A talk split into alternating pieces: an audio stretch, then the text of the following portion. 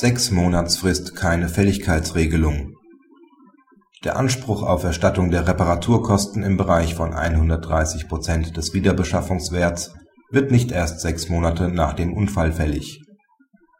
Der Kläger erlitt am 01.01.2008 mit seinem Fahrzeug einen Unfall. Er ließ sein Fahrzeug Ende Januar in einer Fachwerkstatt für 4.524,36 Euro reparieren die beklagte Haftpflichtversicherung bezahlte zuerst nur den Wiederbeschaffungsaufwand von 3.200 Euro und nach Klageerhebung im Juli den Differenzbetrag zu den Reparaturkosten. Die Kosten des Verfahrens sind vom Amtsgericht und Landgericht dem Kläger auferlegt worden. Die dagegen gerichtete Rechtsbeschwerde des Klägers hatte Erfolg.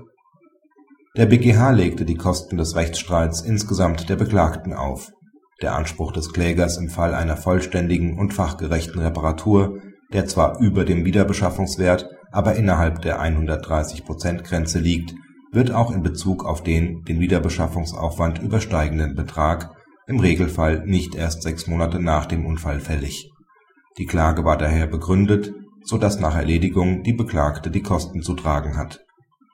Praxishinweis der BgH bestätigt für den Bereich der Reparaturkosten bis zur 130%-Grenze seine bereits im Beschluss vom 18.11.2008 dargelegte Auffassung.